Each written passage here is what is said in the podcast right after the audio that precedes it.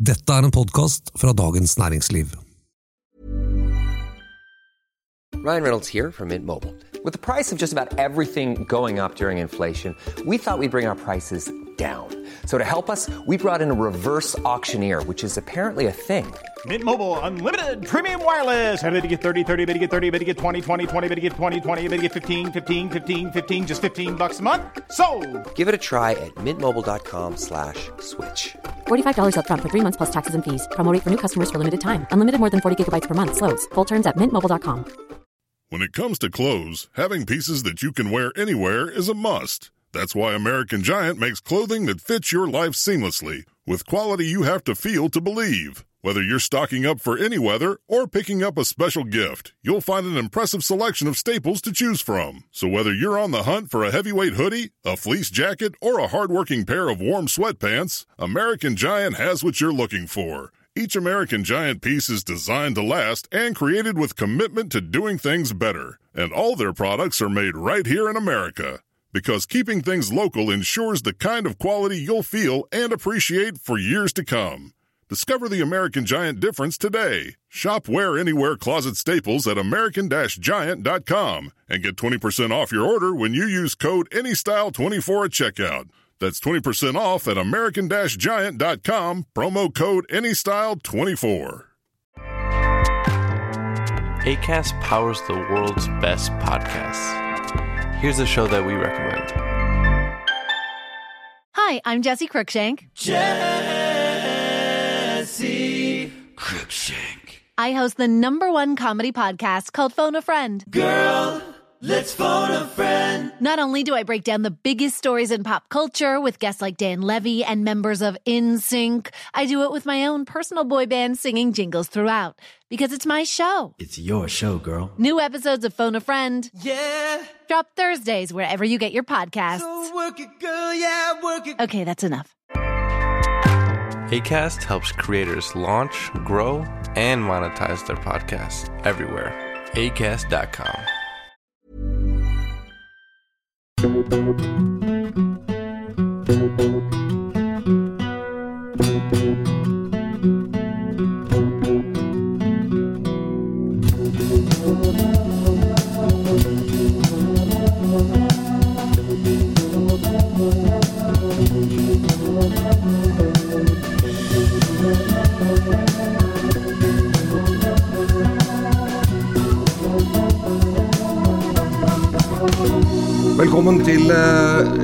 en, ny, frokost uten filter her i DN-teltet på Arendalsuka.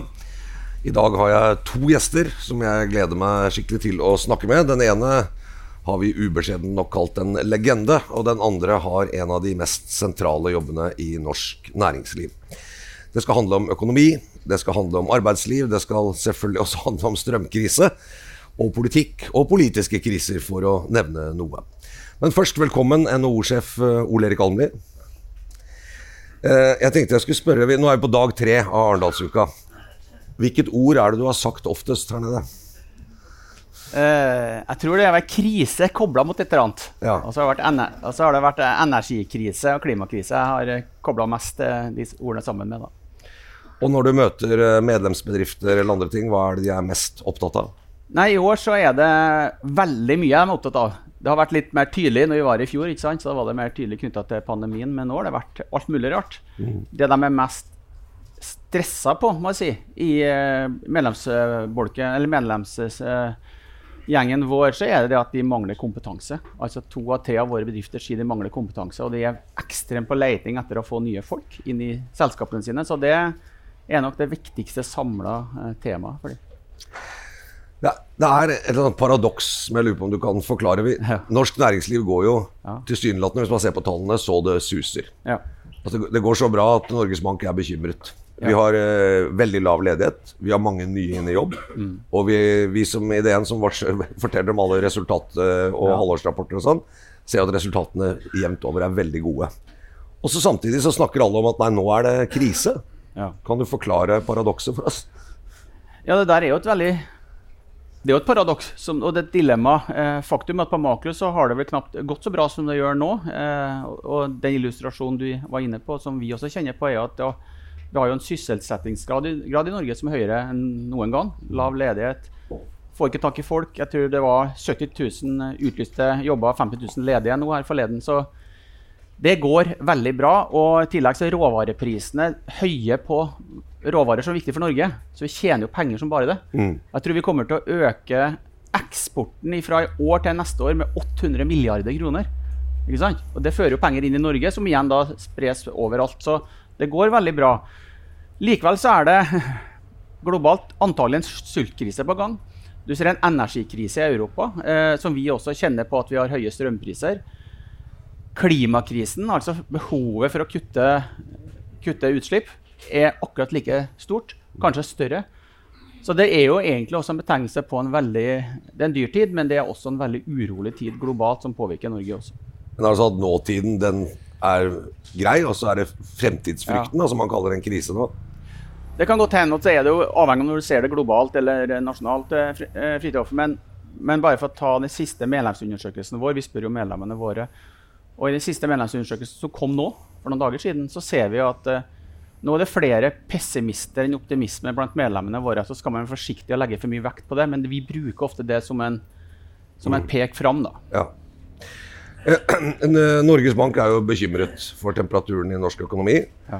Eh, og i morgen er det et nytt rentemøte, og da venter vel de fleste at det blir eh, en dobbel kvarting, som vi sier i Dagens Næringsliv, altså 0,5 prosentpoeng opp med renta. Ja. Da har, vi hatt, da har vi hatt en ganske betydelig renteheving med bare siden rett før sommeren. Ja. Hvordan kommer det til å slå inn i, i næringslivet? For det første så håper jeg jo at den økningen slår inn i norsk, eh, norsk forbruk og i norsk næringsliv og all over på en måte som faktisk er ønsket. da. At det er en liten eh, is, is, isbit inn i markedet, slik at man da toner litt ned. Det er bra for alle. Det er bra også for arbeidsmarkedet, for at det er lettere for, for bedriftene å få tak i folk. Så vi, det, disse renteøkningene trenger vi.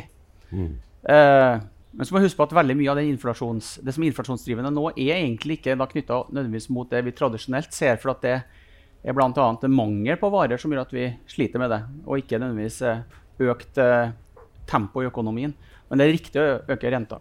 Vi har støtta det, og vi får se hva som kommer i morgen. og Hvis det ikke er det nok, så tror jeg det kan komme renteøkninger om ikke altfor lenge som forsterker dette ytterligere. Ja. Eh, de siste årene så har jo store deler av norsk næringsliv fått eh, mange mange milliarder i offentlig støtte. Eh, og nå er det mange som vil ha enda mer. Denne gangen fordi strømmen er dyr. Jeg, altså, jeg begynner å lure på om har NHO blitt en sosialistisk organisasjon? Jeg var ikke så, jeg var ikke så overraska over det spørsmålet. det må jeg bare si. Altså, altså kan kort, Kortversjonen var Nei, det har vi ikke blitt. Eh, men jeg skjønner spørsmålet. Eh, og for å ta det første premisset, da. Så er det sånn at Vi er vel kanskje det landet, eller i hvert fall et av de landene i Europa som kom oss best gjennom pandemien. Bl.a. for at vi samla oss, laga løsninger som vi fikk bedrifter og folk gjennom. Vi hadde mm, 400 000 ledige i Norge. Så vi måtte ta grep, for vi visste ikke hvordan det kom til å bli. Og så laga vi ordninger så at vi kom oss gjennom det. Der er, der er vi nå, og takk og lov for at vi gjorde det ordentlig. I godt samarbeid med, med regjeringen og mange andre. Akkurat nå så er vi i en situasjon vi har fått helt ekstremt høye strømpriser. Ekstraordinært høye strømpriser. Mange rammes av det. Eh, vi hadde bl.a. en reportasje i, i din avis eh, DN her på mandag som kanskje mange så. og Vi besøkte Sondre på Lasses Veikro, som forutsatte da han begynte, etter samtale med kraftselskapet, at han skulle betale 22 000 i måneden. Isteden har det blitt 80 000. Han kan ikke ta prisene ut i høyere pris på burger, så han sliter jo voldsomt og vet ikke om han overlever. Så det vi har sagt Vi skal ikke ha statsstøtte hver gang. Virkelig ikke. Og NHO skal være de siste som ber om det. Men at vi lager en støtteordning nå eh, som er målretta, søknadsbasert og veldig begrensa, slik at man hjelper noen av de som har det strammet gjennom eh, denne krisen. Eh, det tror vi er riktig, og det ser jeg også at det er stort flertall på Stortinget og i regjeringen er jo også der at vi tror vi skal få det. Men, men altså, øh, for det første er det litt sånn Skal vi gi statsstøtte for at han skal fortsette å lage burger? Han kan lage, kan lage kald mat, da. Det er jo det som skjer i næringslivet. Når noe blir dyrt, så må man finne noe billigere man kan selge til en ålreit pris. Ja, ja, ja. Det, det er et eller annet her som jeg Pandemien kunne vi forstå. Resultatet ut der ble jo at vi kom ut av pandemien med, med, en, med for høy aktivitet i økonomien og for, for store kostnader. Vi har ikke hatt noen konkurser. Og så eh, kommer man nå med strøm. Hva, hva med når det neste blir dyrt?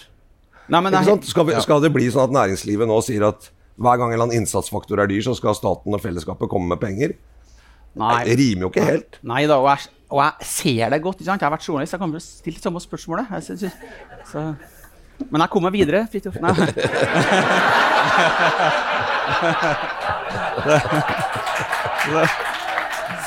Men, men, jeg, jeg, er, jeg skjønner spørsmålet, og vi skal ikke komme dit at vi ber om statsstøtte hver gang. Det er litt spesielt med strøm. Strøm, man når man handler med strøm, så forventer man at man handler annet med offentlig eide selskaper. Man har hatt en forutsetning for at det var slik og slik, og så er det litt spesielt nå. Men jeg må også si at, for at du må si at vi skal ha en innramming på den ordningen, Fridtjof, som gjør at det er få som får det, og de aller aller mest trengende som får det. Og så skal jeg si en ting til, og det kan jeg garantere, da, for at eh, dette kommer jeg sikkert til å bli spurt om. Ja. Den skal ha en svært midlertidig, eller en varighet som er svært midlertidig. Fordi at fra nyttår så får vi en ordning som gjør at man kan ha fastpriser på en helt annen måte enn man har hatt til nå. Det betyr at man da kan ha fastpriser basert på spot. Nei, ikke på spot, men på den prisen du har når du selger fastprisen. Jeg skal ikke gå inn i dette, men for mange bedrifter betyr det at de har en mulighet til å kjøpe fastprisavtale på strøm, som da gjør det lettere for dem å drive. Ja. Så Derfor så skal den ordningen ikke vare så lenge. Det skal bare vare, vare akkurat nå fra 1.9., har vi sagt, eh, og fram til, eh, til eh, kanskje over jul en gang. I pandemien, eh, noe vi var opptatt av ideene og det kjenner jeg som sånn eh, hvit skattebetaler, for å si det sånn, at, Ja, eh, ja. at å stille opp for bedrifter som fikk levebrødet sitt på en måte forbudt av staten, det, det var det ikke så moralsk så feil å være med på. Nei. Men når man så resultatet, var at veldig rike eiere, både norske og utenlandske, satt med pandemien og tok ut fete utbytter etter at vi hadde gitt dem eh, støtte. Ja. Da, eh, si, da murrer det litt i min populisten, for å si det sånn, også inne hos meg. Hvordan skal vi unngå dette nå? At uh, man gir strømstøtte, og så blir resultatet bare at man uh, tar ut store utbytter, som egentlig er fellesskapets penger. Jeg tror det murrer uh, i manges sjel da jeg bl.a. så at det var en utenlandsk væskeprodusent som tok utbytte ut av, av norske skattebetalere. Da si akkurat da følte jeg kanskje at jeg ble litt beklemt, det skal jeg bare si. og, vi, og, og, vi, og vi tok også den gangen en Vi tok et standpunkt da, om at ikke vi ville ha utbytterestriksjoner på, på de eh, pengene. Ja. At det ikke skulle være sånn forbud mot utbytte. Og det er jo fordi annet at mange bruker utbytte til å betale formuesskatt. Mm. Vi får jo høyere formuesskatt, og uansett om det er underskudd, så må du da betale den. og Derfor så tar du et utbytte for å betale skatten. Så det er gode argumenter for å ha utbytte, eh, mulig, utbyttemulighet uansett. Og vi trenger jo å flytte kapital fra noen dårlige bedrifter til gode bedrifter, og derfor så utbytte ofte er bra. Men jeg skal si en ting, og det at i denne saken, som er så vanskelig, og som trenger så stor legitimitet eh, hos folk flest, eh, i et bredt storting, hos arbeidslivets parter, så har vi sagt at vi er åpne for å se på utbytterestriksjoner. Men dette er vi jo da naturligvis i god dialog med regjering på andre, så får vi se hvordan vi kan sy sammen det. Men vi kan altså ikke komme dit at disse midlene går til de som enten A sender prisen videre, eller B Sende støtten til eierne sine. Dette er ikke en sponsing av eiere. Så Derfor så har vi sagt at det må vurderes utbytterestriksjoner. Eventuelt om du da omgjør det til lån eller sånn fritid. Det kan jo være måter å gjøre det på. Men, Ja. her, men her, her kommer vi til å være strengere eh, akseptere en strengere innramming enn vi ellers gjør. Så det er lærdommen fra pandemien, da, eller? Nei, ja, det, Jeg ville gjort det samme på samme måte i pandemien, selv om vi fikk noe utslag der. For at Ja. der var det viktig, som du sier, at der er det jo egentlig staten som griper inn i din mulighet til å drive business. Og det skal du betale for. Det er akkurat som når du kjøper et hus, og så kommer det en motorvei gjennom, så får du erstatning for det. Det er en annen situasjon nå. eh, Og egentlig skulle vi ikke hatt strømstøtte. Og det strømstøtte er bare plaster på såret uansett, for vi trenger å diskutere kraftproduksjon, energieffektivisering. Det er mye viktigere. Strømstøtte er bare en midlertidig ordning, plaster på såret. Men vi er nå her og diskuterer, da skal vi tåle å stå for det. Men det er alt det andre som er viktig, egentlig. Ja. Men det vi lærte fra pandemien, det at vi har ordninger som, som skal være målretta, og enda mer målretta av denne ordningen vi skal ha på plass. nå. Sånn, når fellesskapet stiller opp med strømstøtte til noen norske bedrifter, også med, med utbytterestriksjoner eventuelt, da, hva får vi igjen for det? I denne saken Ja. du, ja, får, ja, Det vi får igjen Altså Det er et godt spørsmål. Hvis fellesskapet stiller opp, så skal man få igjen mer enn man stiller opp med. Ellers er det ikke noe poeng å gjøre det. Og fellesskapet har lov til å gjøre det. Det er derfor, derfor disse ordningene skal være åpne, transparente, slik at uh, du og andre kan ettergå dem. Men det man får igjen, er jo det at man redder uh, bedrifter som ellers skulle levd, men som kan gå under fordi at man da har disse helt uforutsette høye strømprisene. Men, er men er, ikke en del, er ikke det en del av det private næringslivet? Altså, Uforutsette hendelser gjør at noen bedrifter går under. Ja. Selv om de på en måte ikke har gjort noe galt. Og så frigjøres det både kapital og mennesker. Kan begynne med andre ting som er tilpasset dagens situasjon. Ja. Skal man så suspendere det, da? Nei, Nei. det skal man ikke. Og det er faktisk også sånn at det kan være bra at noen går konkurs, for at da flytter de det fra usunne bedrifter til sunne. Ja. Og spesielt i en tid hvor det er mangel på arbeidskraft, så må vi få mobilitet i både kapital og kompetanse. Det betyr at, at jeg mener at hvis det blir færre konkurser enn ellers ville vært pga. dette, så er det feil. Det, vi skal, konkurser hører med i, i næringslivet. Det er, konkurser er en del av det å omstille et nasjonalt næringsliv til å kunne være konkurransedyktig, bl.a. i møte med det grønne skiftet. Er det litt få konkurser i Norge for tiden, syns jeg? Eh, det er ikke sånn at NHO-sjefen ligger våken for at det er for få konkurser. Eh, men eh, men jeg, har, jeg mener at et sunt næringsliv har eh, utskifting av både arbeidskraft og uh, selskaper over tid. Slik at man da faktisk da gjør det man har vært veldig god i Norge, og det er å omstille seg egentlig litt i forkant av, av konkurrenter, og dermed kan være konkurransedyktig på et internasjonalt marked. Eh, to eh, ord om regjeringen til slutt, som Ja. dere nå jobber ganske tett med i strømstøttesaken. eh, som du har sagt, men, men dere har jo også hatt noen litt friksjon med denne regjeringen. Som Jonas Gahr Støre sa, at når han tok over, så måtte han begynne med en storrengjøring i norsk arbeidsliv. Ja. At han vasket og vasket og vasket. Ja, Er du nå renvasket, Almli? Ja. ja, jeg var ganske godt vasket da han begynte med det. I likhet med veldig mange i norsk næringsliv så er, er det et veldig ordentlig næringsliv. Det er et ordentlig næringsliv hvor man er både seriøs og, og, og skikkelig og gjør alt man kan for å både følge lover og, og regler. Så jeg ble ordentlig forbannet Ja. når han sa det. Eh, og dette ble gjentatt og gjentatt. Det ble annet sagt eh, første dagen han var i Stortinget og presenterte sin eh, tiltredelseserklæring. Og jeg mener at det er populisme på, eh, på en måte som jeg syns ikke vi skal akseptere. og Derfor sa vi det at den skitner til debatten. Det å si at Norge er verdens beste arbeidsliv, et arbeidsliv hvor ni av ti trives, hvor alle stort sett har det bra, hvor det er godt samarbeid mellom sjefen og ansatte, hvor folk skifter jobb eh, og treffer nye kolleger og har det bra. Mange nikker, ser jeg. Det er ikke et skittent arbeidsliv som trenger storrengjøring. Tvert imot. Jeg syns Anne Kari Bratten, kollegaen min Spekter, sa det bra. Vi får gå med, sa, får gå med høytrykksspyler der det er et problem. Og så får vi være enige om det, istedenfor å ha en total vask. Så det var, eh, det var en eh, dårlig, dårlig valg av ord av statsministeren, som han gjentok. Og jeg syns også at det dessverre er en ny, litt ny vært litt sånn nytt med denne regjeringen at de har valgt å være veldig aktivt mot privat næringsliv. Og snakker ned private eiere.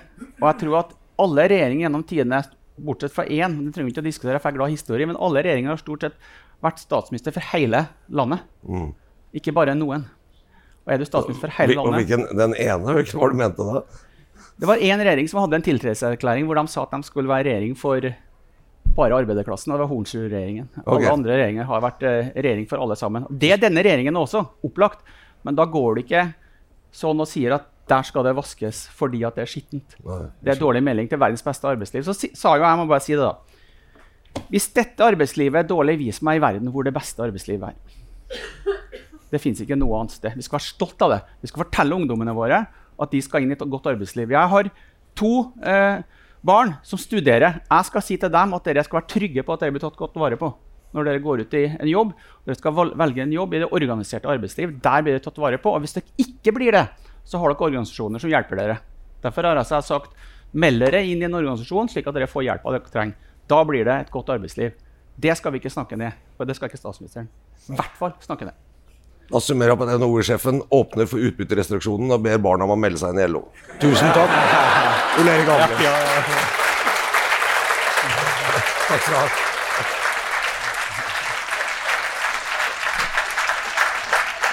Da skal vi få opp vår neste gjest, eh, som er eh, Magnus Takvam. Takvam.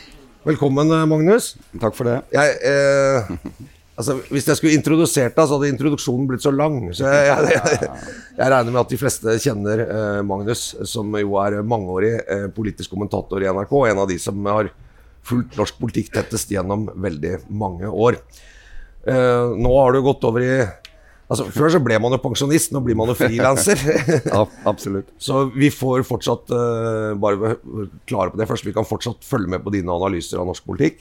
Jeg har fått uh, fått pensjon 20, for første gang 20. juli, eh, så ja, det var en ny opplevelse. Men uh, det er også en endring i den forstand at jeg ikke lenger har en arbeidsgiver. Og det har ganske mange fordeler også, for så vidt. Ok, Ja, da gleder jeg meg til det. Da. det Jeg etter gleder meg til det. ja. Du, eh, vi er, og Norge er vant til at du gir eh, oppdaterte, grundig informerte analyser av norsk politikk omtrent i real time. Det fins jo knapt et politisk drama eller en viktig politisk sak som ikke du har kommentert og analysert så å si mens det skjer. Eh, men jeg har invitert deg her i dag for å prøve å se på noen litt sånn lange linjer.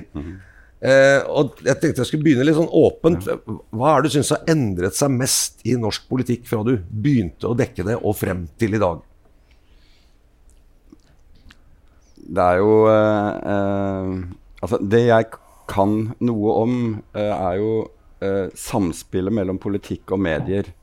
Eh, og i og med at jeg har vært ansatt i NRK nesten i, i 40 år, så har jeg oversittet mange generasjoner med politiske ledere. Og også opplevd teknologisprang og eh, en kommersiell kommersialisering og tabloidisering av den virksomheten jeg er, en del av.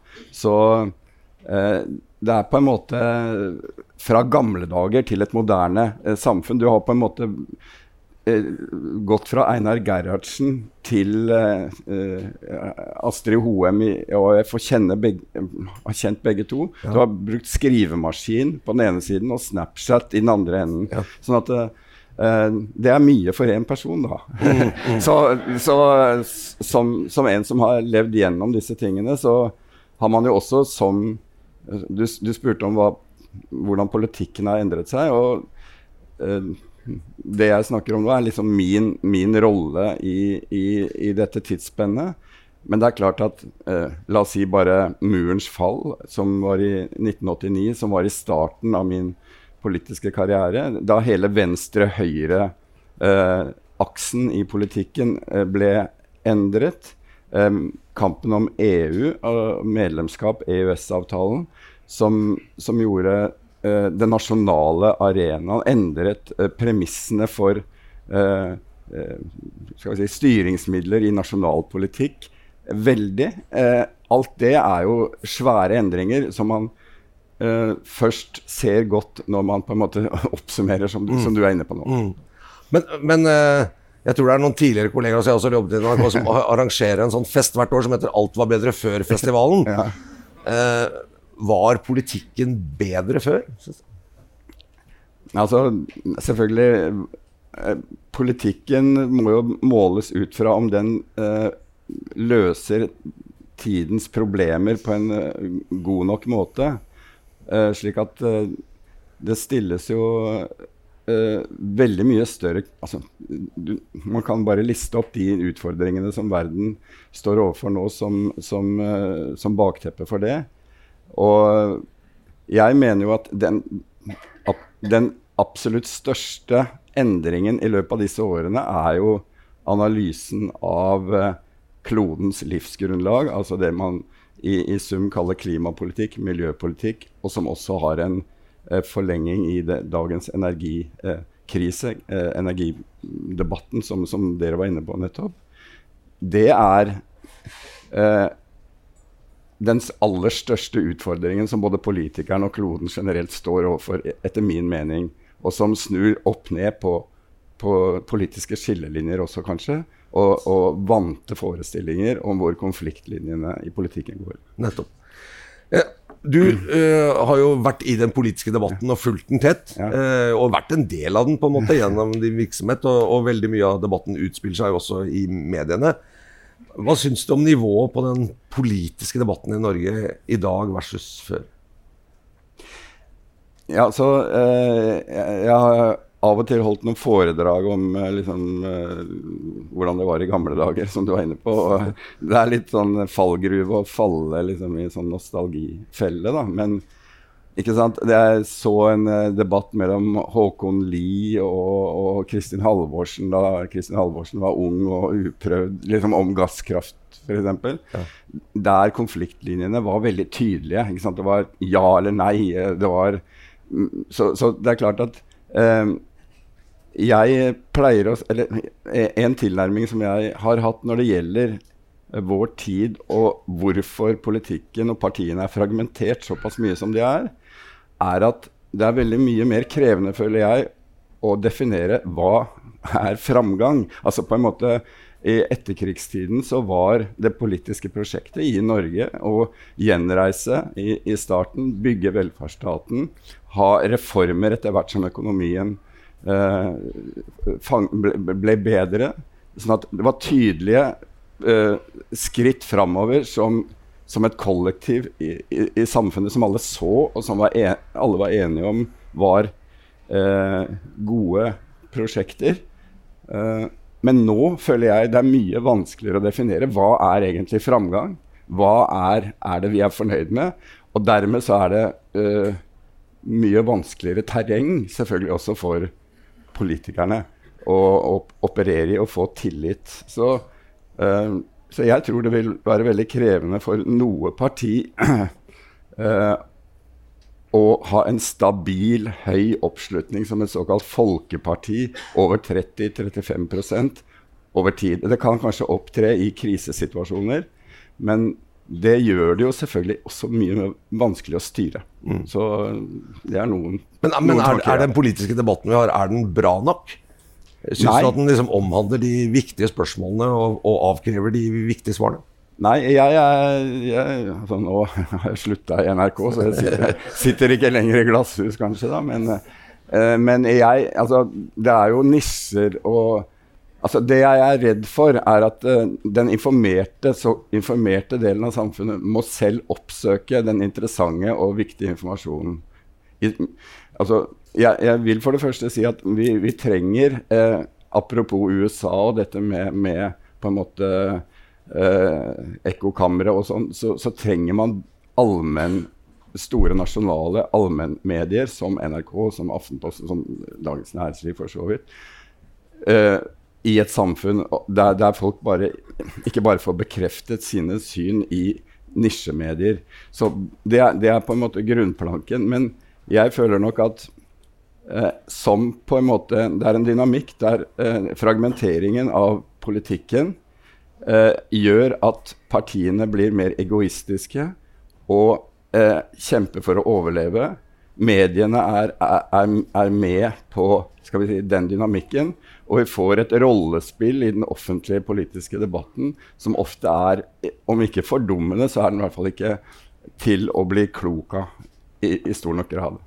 Og, men som, det man må håpe på, er at det er motkrefter. Altså at, at jeg tror det er en undervurdering av publikum der ute. Og at, at det forhåpentligvis kan endre seg. Men jeg er ikke imponert over over nivået på den offentlige politiske debatten i Norge. Nei. Jeg vet ikke om du er det. Jeg syns det er ganske bra nå, men eh, akkurat nå Jeg er vi aldri fornøyd. Men, eh, men, men, er det mediene som har ansvaret for det, og pressen, eller er det politikken selv? For det, dette er liksom mm. Hvem er det som definerer egentlig? Henger liksom mediene på politik, politikernes logikk, eller er det omvendt? Ja, det er vanskelig å si men, men, det er jo en refleks av eh, eh, Altså, jeg Min, min eh, skal vi si, historie er fra da vi var i NRK Radios politiske redaksjon på slutten av 80-tallet og så innover. Så var på en måte, Det var jo da NRK-monopolet fremdeles levde. Eh, og vi i den lille gruppa på fem-seks sånne nerder i, i politisk forstand hadde full oversikt over hele det politiske feltet. Vi hadde fysiske kontorer der hvor Arbeiderpartiets finansfraksjon satt lenger inne. Og det var et sånt fysisk møtepunkt som Det var en informasjonssentral via oss. Så vi hadde aller best oversikt over det som skjedde den gangen. Eh, eh, og vi hadde eh, makt internt i vårt mediehus. Vi, da vi sa det er en nyhet, så bare gikk vi opp i det lille studioet vi hadde og sendte nyheten ut. Uten de portalene og den skal vi si, salget som nå er med Er saken god nok? Er den viktig nok? Det var på en måte, Man hadde en autoritet internt som eh, Makten var hos kompetansen, hvis du vil. Så er det klart at og, og, det er snudd opp ned. Nå er eh, den teknologiske utviklingen sånn at det sitter noen og vurderer om er saken bred nok, eh, når den, den, de unge nok. Eh, altså på en måte det, det gjør at, at, man siler informasjonen eh, på en helt annen måte. Og det, er, det, har gode sider og dårlige sider, men det er, det, det er en del av, av eh, det som jeg føler er en krevende utvikling. At man uh, ikke Det man går glipp av, er at man alminneliggjør ikke lange politiske prosesser og har små og store nyheter fortløpende, sånn at folk blir kjent med, med, feltet, men må ofte begynne på null hver gang man skal forklare en sak.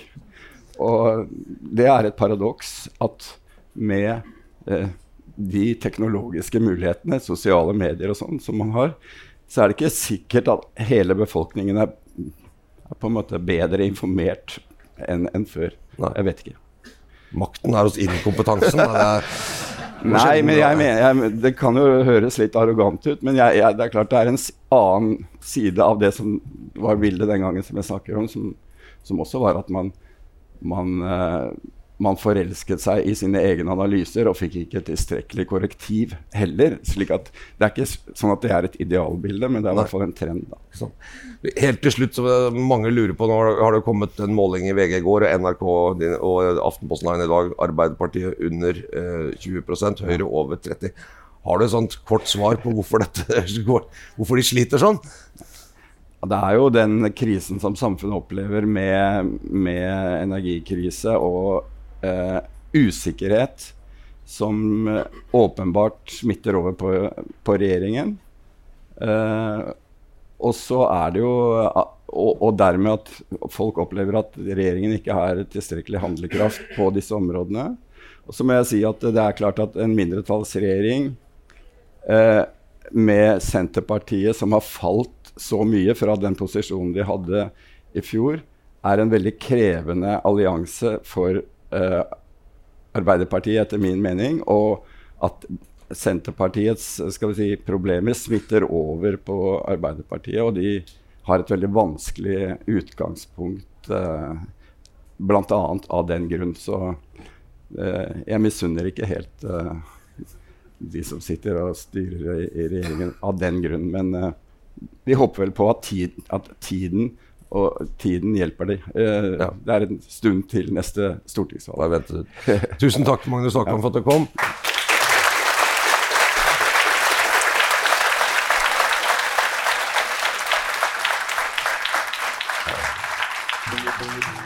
Da er eh, Frokost uten filter ferdig, eh, men det er masse program her i DN-teltet og på alle kanaler utover dagen.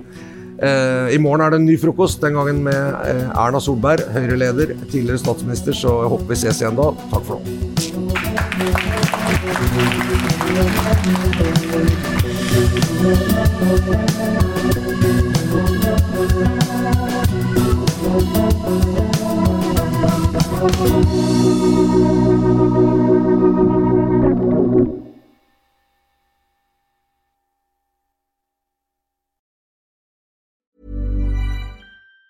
Need to stock up on any weather wardrobe staples? Check out American Giant for hoodies, jackets, sweats, and more pieces you can wear anywhere. All made right here in the USA. Go to American Giant.com and use code ANYSTYLE24 for 20% off your order. ACAST powers the world's best podcasts. Here's a show that we recommend. This is Roundabout Season 2, and we're back to share more stories from the road and the memories made along the way. We're talking rest stops, if we're stopping to get gas, you will be timed. you will be for sure. Misguided plans. I grew up in the city, so I have like, you know, a healthy fear of real extreme darkness. this was like wilderness. A lot of laughs. Y'all weird, but you, yeah, you, you were different. Like you were real different, bro. I can't really put my finger on it. And so much more. Just goes to show that unexpected things sometimes are the best when it comes to a road trip. Roundabout Season 2, presented by Nissan, is live now with new episodes rolling out every Thursday. Listen and subscribe wherever you get your podcasts.